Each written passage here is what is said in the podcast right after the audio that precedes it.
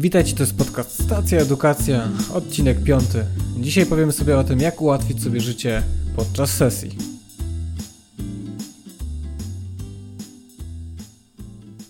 Witajcie kochani. Jest godzina 23.19, a ja siedzę przed mikrofonem i specjalnie dla Was nagrywam kolejny odcinek podcastu. E, powiem Wam tak. Dzisiaj nie bez powodu będzie właśnie o czasie sesyjnym, o czasie takim związanym ze studiami. Troszkę dlatego, że sam jestem już po sesji. Sam ją e, skończyłem z pozytywnym rezultatem, nawet takim zadowalającym dla mnie. No i przy okazji chciałbym się podzielić z Wami, jak udało, udaje mi się w ogóle ta, taki czas e, przetrwać, jakie mam techniki, metody e, na ten okres, żeby trochę sobie to, to wszystko ułatwić. W ogóle, jeżeli chodzi o życie studenckie, to jestem zdania, że są metody, które pozwalają nam to życie troszkę ułatwić. No i y, tym się chcę z Wami podczas tego podcastu podzielić. Sądzę, że dla wielu z Was może być to przydatne, a dla wielu, y, kto wie, może w zupełności to się nie sprawdzi. To nie jest jakby pewnik. Też musicie wiedzieć, że to, że coś mi pomaga, nie znaczy, że może pomóc Wam. Możecie to potraktować jako taką dobrą propozycję, ale niekoniecznie. Przy okazji, jeżeli macie jakieś fajne propozycje na, na ten czas, jak się lepiej uczyć, jak sobie lepiej ten czas zorganizować, e, co robicie podczas sesji, jak się uczycie, to śmiało, ja jestem, jestem tego naprawdę ciekawy, to ja mam nawet takie poczucie, że trochę za mało jest może publikacji na temat studentów, że to jest e, taka grupa, która troszkę może tutaj w pedagogice jest jeszcze do, Y, jest tutaj coś do zadziałania, do stworzenia pewnych publikacji, do badania tego środowiska. Trochę tak myślimy ostatnio o, studentach jako o kliencie i właśnie w takim kontekście tylko dystrybucji wiedzy, że po prostu uniwersytet, albo jak jest taka jedna z, z, z ciekawych książek, fabryka dyplomów. Nie? Podam wam li, y, link do niej w notak, notatkach do tego podcastu, ale to, tak właśnie tak widzę, obserwuję to, że brakuje może tego elementu wychowawczego że jest duży nacisk na dydaktykę i tak dalej, jakoś nie wiem czemu, ale myślimy o studentach jako o tych, którzy już nie potrzebują wychowania. A gdzieś to się też kłóci z takim moim pojęciem o pedagogice, które zakłada, żeby no, wychowywać, yy, kształcić, budować rozwój człowieka całe życie. No bo przecież to, to jest pewne, no, są dwie rzeczy pewne. To, że będziemy się rozwijać, no i to, że kiedyś umrzemy, no nie? to może tak pesymistycznie brzmi, ale gdzieś rzeczywiście o studentach zapominamy. Raczej myślimy w kategoriach takich dydaktycznych, a ta sfera wychowawcza, nie wiem, czy ona w ogóle jeszcze istnieje, chociaż sądzę, że pewnie tak, no. Są tacy y, wykładowcy, którzy jakoś dobrze to łączą. Są i dobrymi wychowawcami, i jakoś tak jest w tym taki wychowawczy duch. Ja też nie mówię, że to jest nacisk na studiach, no bo wiadomo, że nie, ale pytanie, jak możemy to, jak to możemy po połączyć? Czy to będzie z korzyścią dla studenta? Według mnie tak. Dobra, to zacznijmy od tego, co mi ułatwia tą drogę podczas e, sesji. No to najważniejszą rzeczą jest to, że coś wypływa od środka, że generalnie ja wiem przede wszystkim po co studiuję i co tam robię. E, będę te, część tych technik będę opierał na tym, co mówił Steven Covey w, w swoich siedmiu nawykach skutecznego działania. Nie będę wam teraz streszczał tej książki, bo też nie o to w tym chodzi. Wolałbym, żebyście sami po nią sięgnęli. Już wcześniej wspominałem o tym, że będę do niej często nawiązywał, to jest jeden z tych elementów. Więc też Kowej też zaznacza, że jest coś przed pewnymi nawykami. Ja tutaj wierzę do, e, do takiego nawyku zarządzania sobą e, jakby w czasie i umiejętności planowania swojego czasu, ale pamiętajcie, że on bardziej to rozbudowuje, dlatego zachęcam, sięgnijcie po tą książkę. Może być dla Was przydatna, szczególnie dla studentów, chociaż oczywiście to nie chodzi tylko o studentów, co w ogóle o o każdą osobę, która chciałaby e, jakoś te swoje nawyki w życiu poprawić. No ale wróćmy do tego, o co chodzi z tym, że coś wypływa ze środka, coś zaczyna się od dlaczego. Tak mówił też Simon Sinek. Zaczyna dzień od dlaczego. I o co w tym wszystkim chodzi? Generalnie ja wiem właśnie po co studiuję, co chcę osiągnąć. E, nie jest nawet tak ważne, jak studiuję, czy to jest z pełnym zaangażowaniem, czy to jest tak, że naprawdę z pełnym oddaniem studiuję, czy w ogóle to myślenie, że, no, że studiuję, czyli odpowiedź na pytanie co.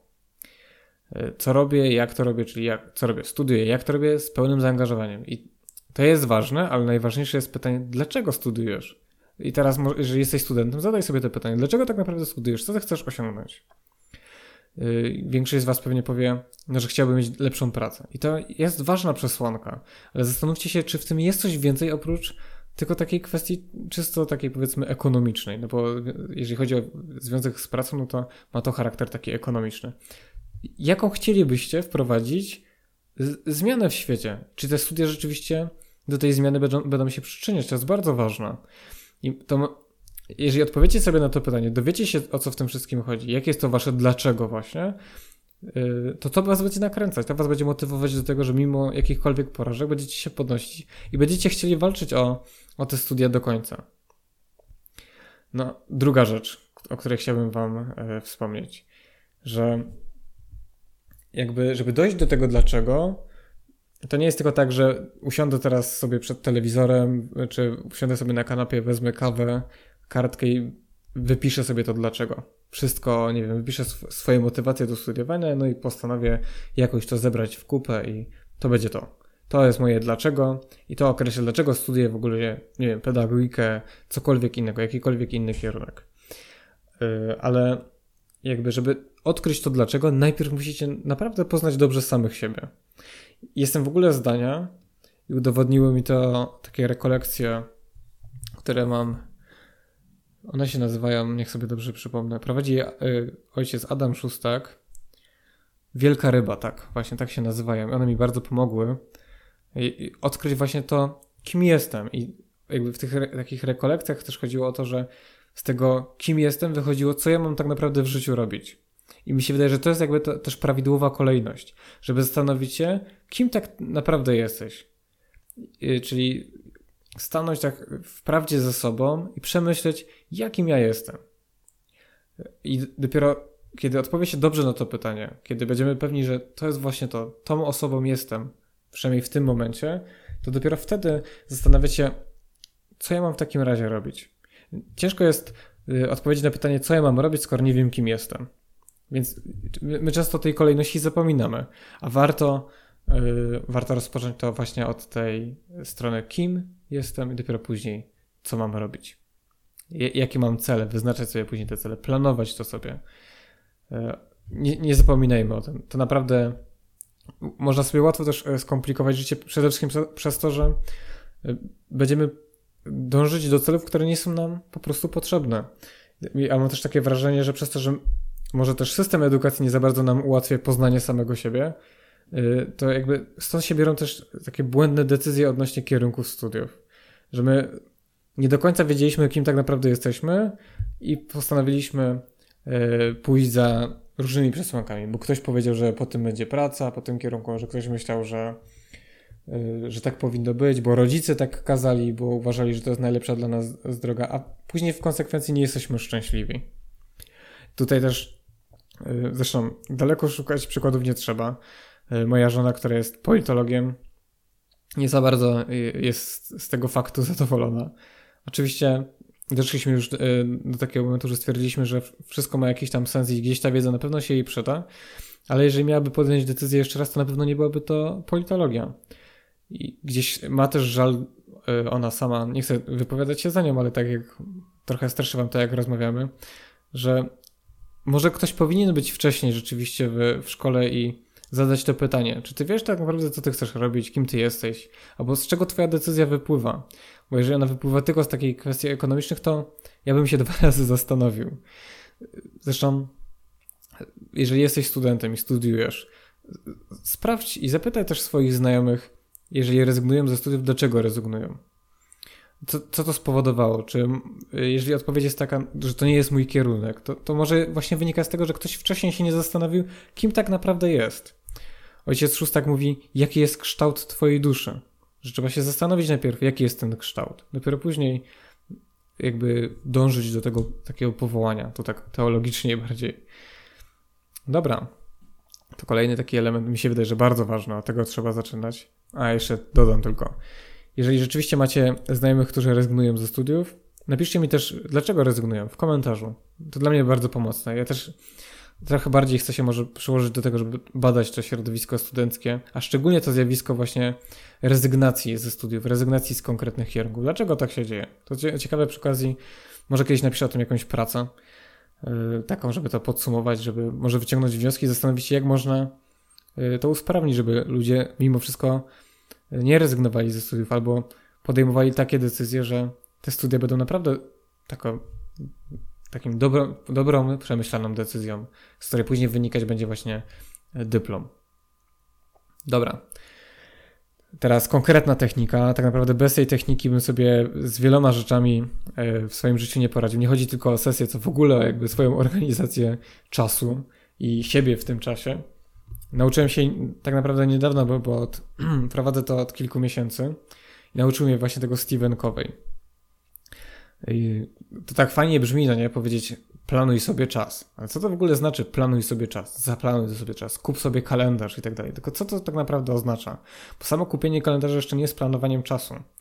Czy samo ustalenie, według mnie też, że samo ustalanie y, swoich obowiązków, swoich zobowiązań z dnia na dzień y, też nie jest planowaniem, też nie przynosi y, skutecznych efektów i gdzieś tam też poznałem, też miałem z tym problem w ogóle, jeżeli chodzi o pracę, o w ogóle wywiązywanie się nawet z mycia naczyń bo zaraz wam powiem, jak, jak ja planuję sobie swój czas. Yy, więc wiele rzeczy też zaniedbywałem i cały czas jakby z żoną, jak rozmawiałem, starałem się dojść z nim do jakiegoś, nie wiem, udoskonalenia siebie. To ważna cecha w małżeństwie, żeby szukać jakby sposobów na własny rozwój. To trochę tak wychowawczo nawet brzmi, pedagogicznie. Pedagogia małżeństwa. O, może kiedyś taki temat też będzie. Dobra, wracam. Się rozgaduję, a tutaj już pół godziny Yy, jak patrzę, 23.31, no tam przesadzam teraz z tym pół godziny. Dobra. Yy, gdzieś miałem właśnie ten problem z organizacją swojego czasu, wiele rzeczy zaniedbywałem, no i mimo wszystko później kupiłem ten kalendarz i planowałem sobie tak często z dnia na dzień, ustalałem sobie, co ja mam jutro zrobić i tak dalej i dalej nie przynosiło to efektów.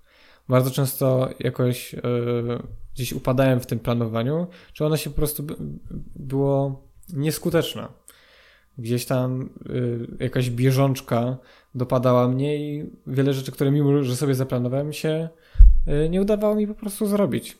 Miałem do siebie też o to pretensje i, i żal, że znowu coś zaniedbuję, znowu gdzieś tam na jakimś polu swoim życiowym się nie odnalazłem. No i w końcu przeczytałem tę książkę Stevena Coveya i ona mnie wiele, jeżeli chodzi o to, nauczyła i sądzę, że będzie przydatna dla każdego studenta. Jeżeli chodzi, szczególnie w tym czasie sesji mi się wydaje.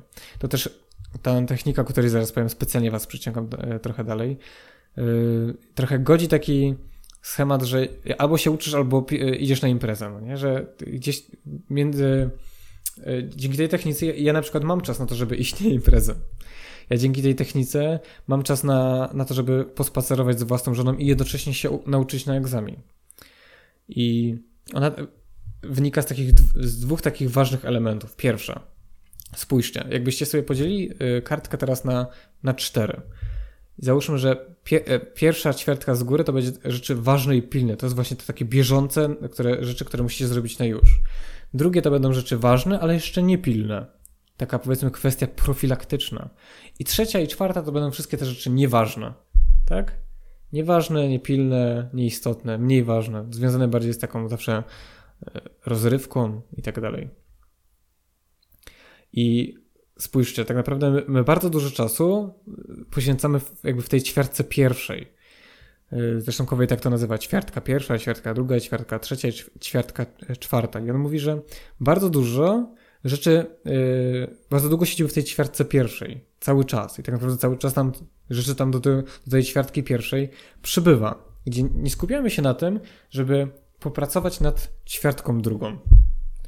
I to jest e, niesamowite w tym, co mówi Kowej, bo on mówi, zadbaj o rzeczy w ćwiartce drugiej, to wtedy nie będziesz miał tak dużo w ćwiartce pierwszej.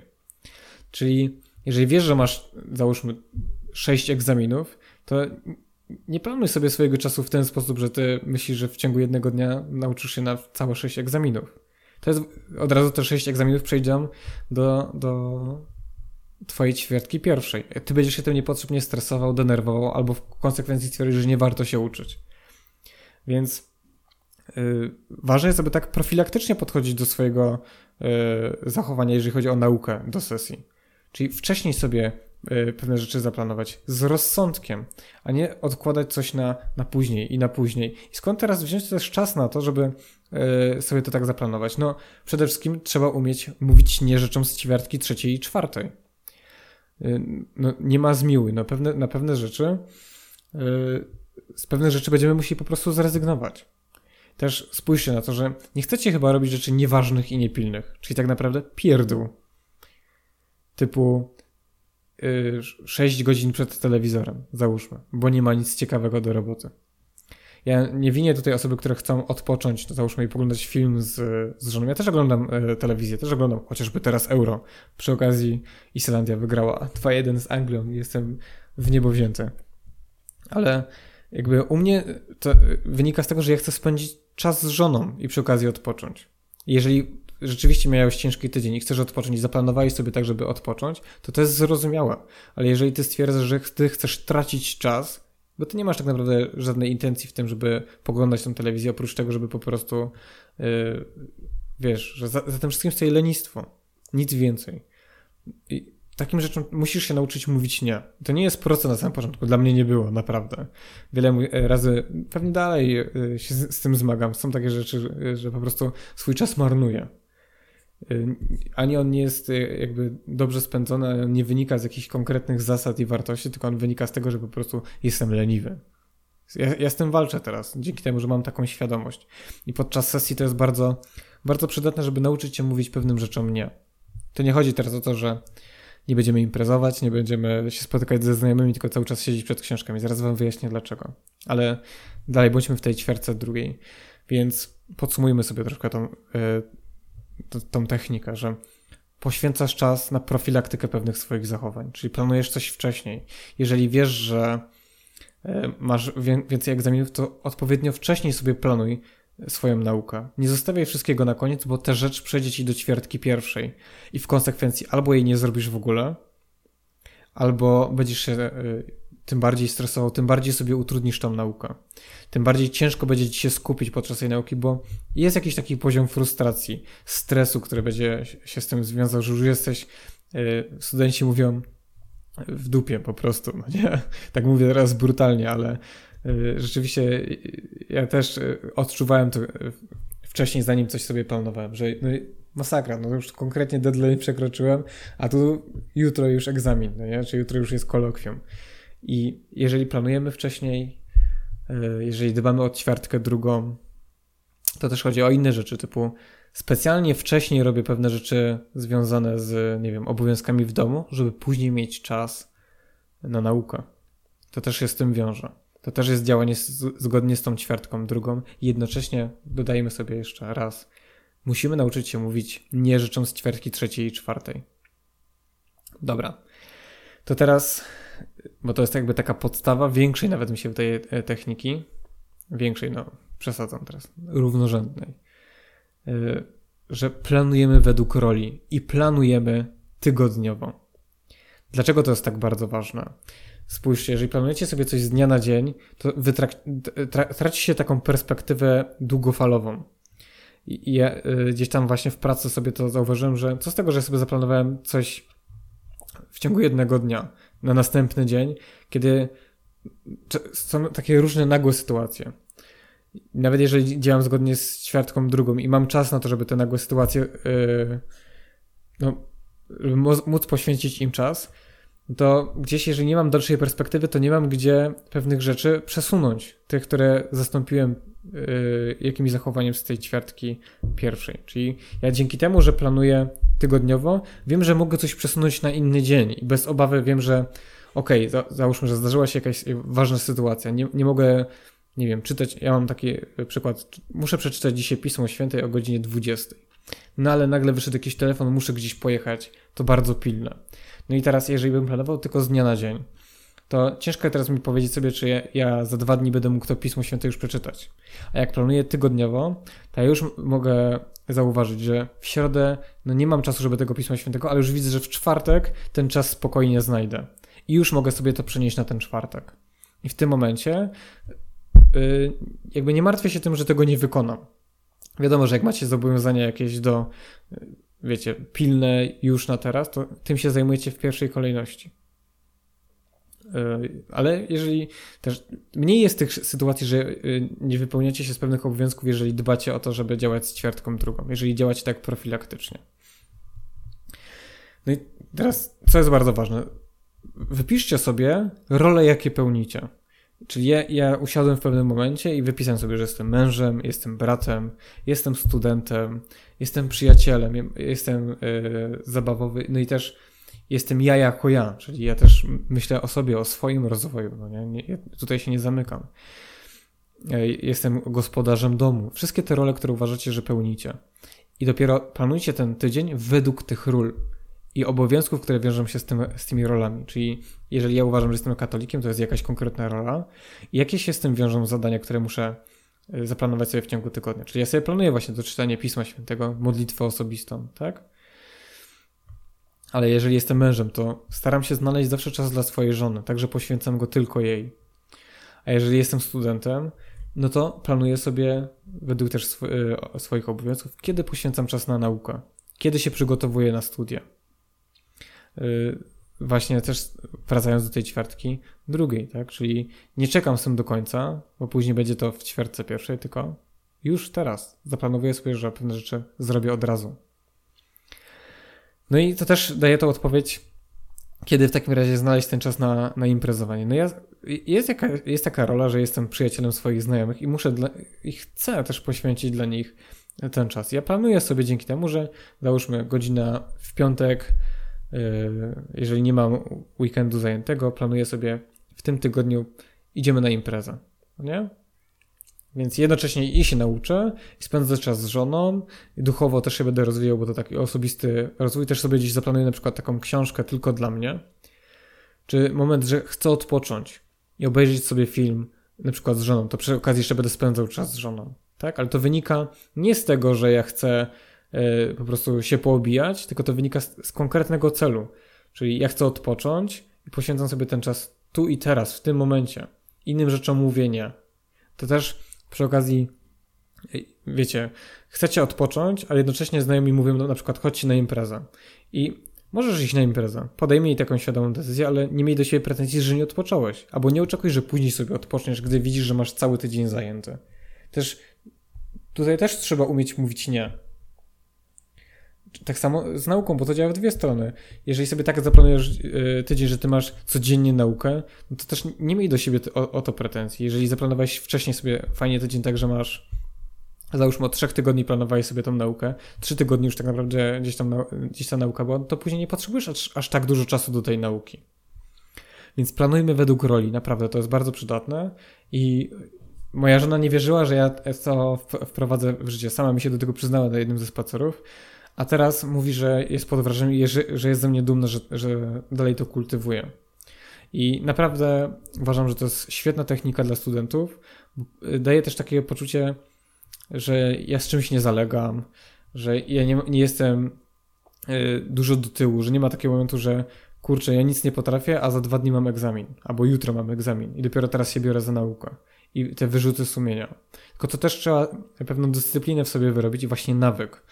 Kowaj mówi przecież o nawykach, które wynikają z jakichś zasad, z jakichś wartości. Ja chcę być dobrym studentem, tak? Po to to robię. To jest to dlaczego, o którym mówiliśmy w ogóle na samym początku. Dobra, więc mamy planowanie według roli.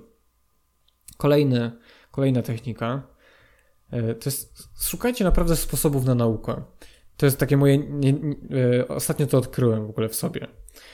Cały czas nawet w szkole podstawowej, w szkole, w gimnazjum, bo ja chodziłem do gimnazjum, chociaż kto wie, co będzie, niektórzy niedługo nie będą już znali gimnazjów. O tym też być może jeszcze sobie powiemy przy najbliższych okazjach. Ale czy na studiach jeszcze, zawsze się tak, jakby nikt nie mówił, że są inne opcje tej nauki, albo gdzieś tam się przebąkiwało, że no, bo jest, jeżeli jesteś wzrokowcem, to tak, a jeżeli tam no, buduj zmysły, takie gadanie, wi wiadomo, gadanie dla gadania, ale cały czas byłem utwierdzony w takim przekonaniu, że nauka ma wyglądać w ten sposób, że biorę kartkę z tekstem, e, no i po prostu wkuwasz po prostu jak się tylko da. Wkuwać, czyli czytasz tekst, aż, aż go zapamiętasz na pamięć. Gdzie generalnie nie za bardzo chyba nam o to chodzi. Raz, że chciałbym to naprawdę rozumieć, to dwa, chciałbym, żeby to zostało na przyszłość ze mną.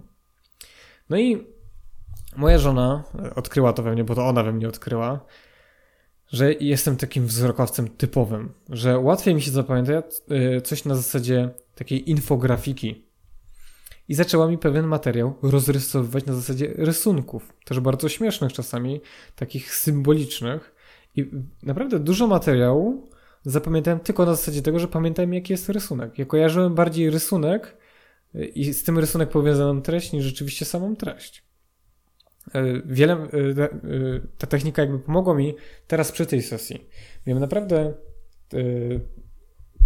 taki materiał, gdzie musiałem się nauczyć o strategii lizbońskiej w Unii Europejskiej. Naprawdę nudny temat, no bo kogo interesuje tam prawo e, oświatowe w e, Unii Europejskiej i strategie jakby rozwoju tej edukacji.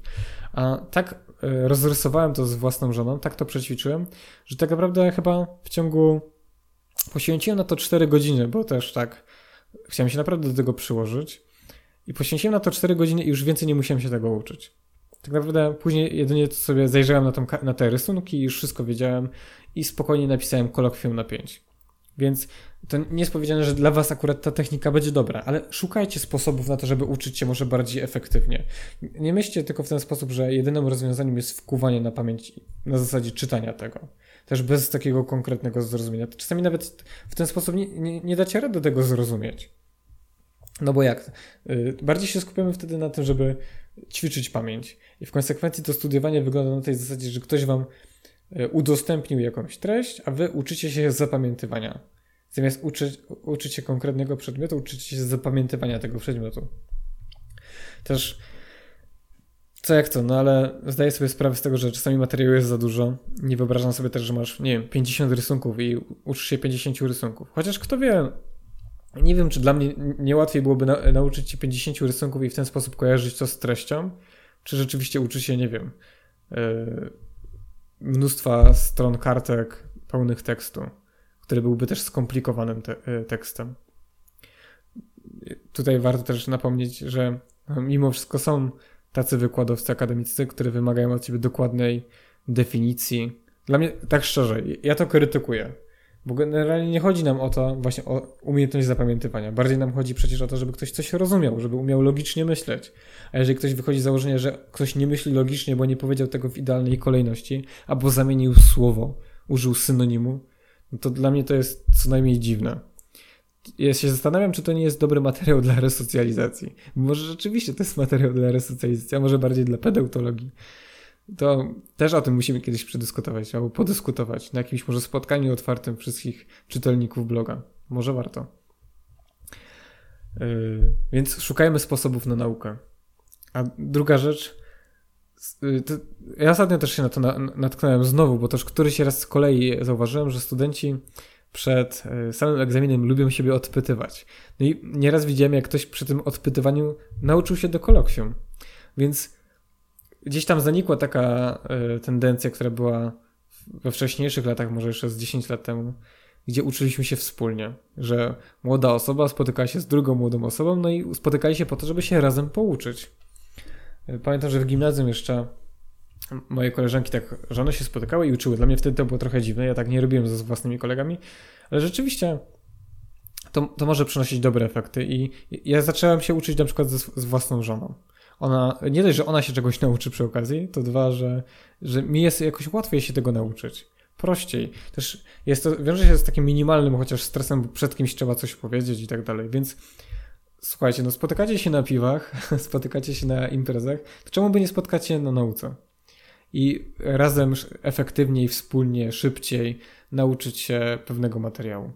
To może być dla Was naprawdę z korzyścią.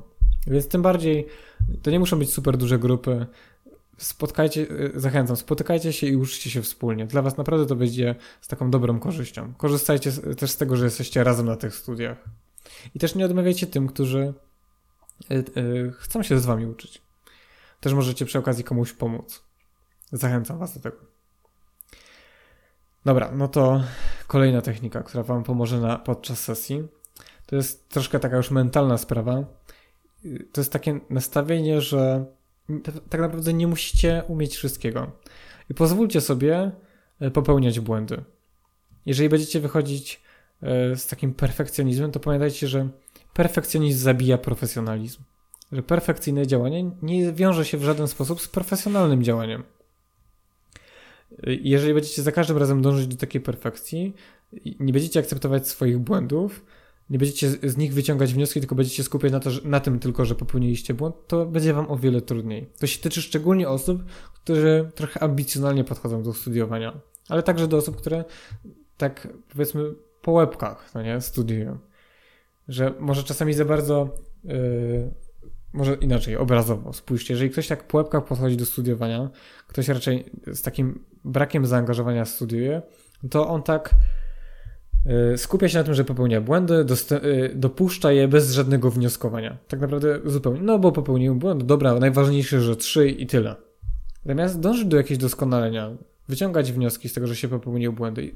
Jakby tak się zastanowić, to osoba, która bardzo ambicjonalnie do tego podchodzi, działa podobnie, no bo y, jak popełni błąd, zdarza się sytuacja różnie, kwestia dyspozycji dnia, jakieś sytuacje losowe, nie wiem, osoba, która normalnie dostaje piątki, dostaje trzy.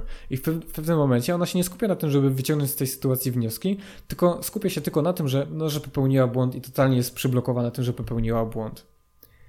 Bardzo często jest, jest też tak, że jakby otoczenie też bardzo zwraca na to uwagę. Co się stało, że dostałeś trzy? To też czasami może być to krzywdzące. To jest krzywdzące tylko dlatego, że my tak to postrzegamy. Bo ludzie z ciekawości pewnie pytają, czasami z troski, a może ktoś za bardzo to e, też potraktuje jako atak. Kto wie, ja, ja przyznam się szczerze, że wcześniej e, studiuję, studiuję już drugi raz. Też miałem z tym problem. Też może za bardzo ambicjonalnie podchodziłem do studiowania. To mi bardzo utrudniło e, jakby tą drogę kształcenia. Więc dopuśćmy do siebie taką myśl, że możemy popełniać błędy. I nie skupiajmy się na tych błędach, nie racjonalizujmy ich też, ale wyciągajmy wnioski.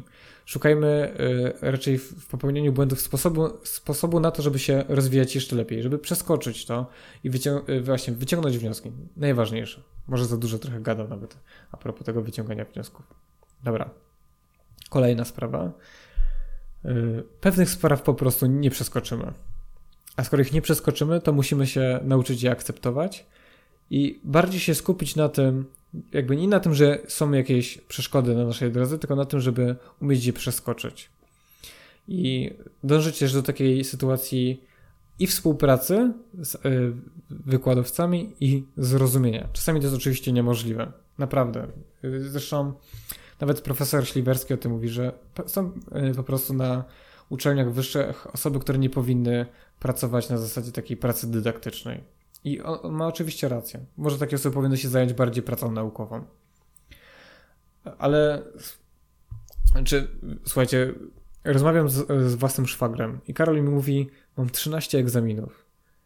I, ja tak się zastanawiam, jak on studiuje zaocznie. Jak on ma to tak naprawdę zrobić? Y, to jest naprawdę taka sprawa dość patowa.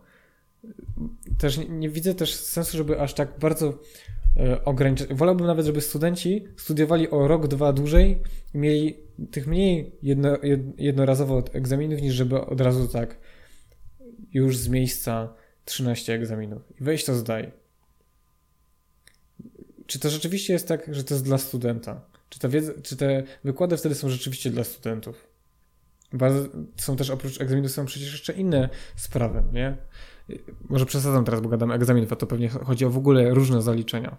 Dodatkowe jeszcze jakieś prace, czy odpowiedzi, yy, obecności, tak to jest naprawdę trudne. Trzeba się zastanowić, czy to rzeczywiście ma sens. No i pewne rzeczy po prostu nie przeskoczyły i musimy je zaakceptować.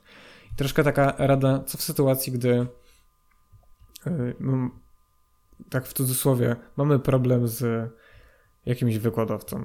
To pierwsze co, nie skupiajcie się na tym, że macie problem z wykładowcą i na wykładowcy. Skupcie się na tym, jak ten problem możecie rozwiązać. Nawet pójść, porozmawiać. Powiedzieć wprost, że szukacie rozwiązania, gdzie on będzie wygrany i wy będziecie wygrani.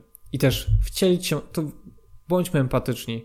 Zastanówmy się, czego on tak naprawdę od nas oczekuje.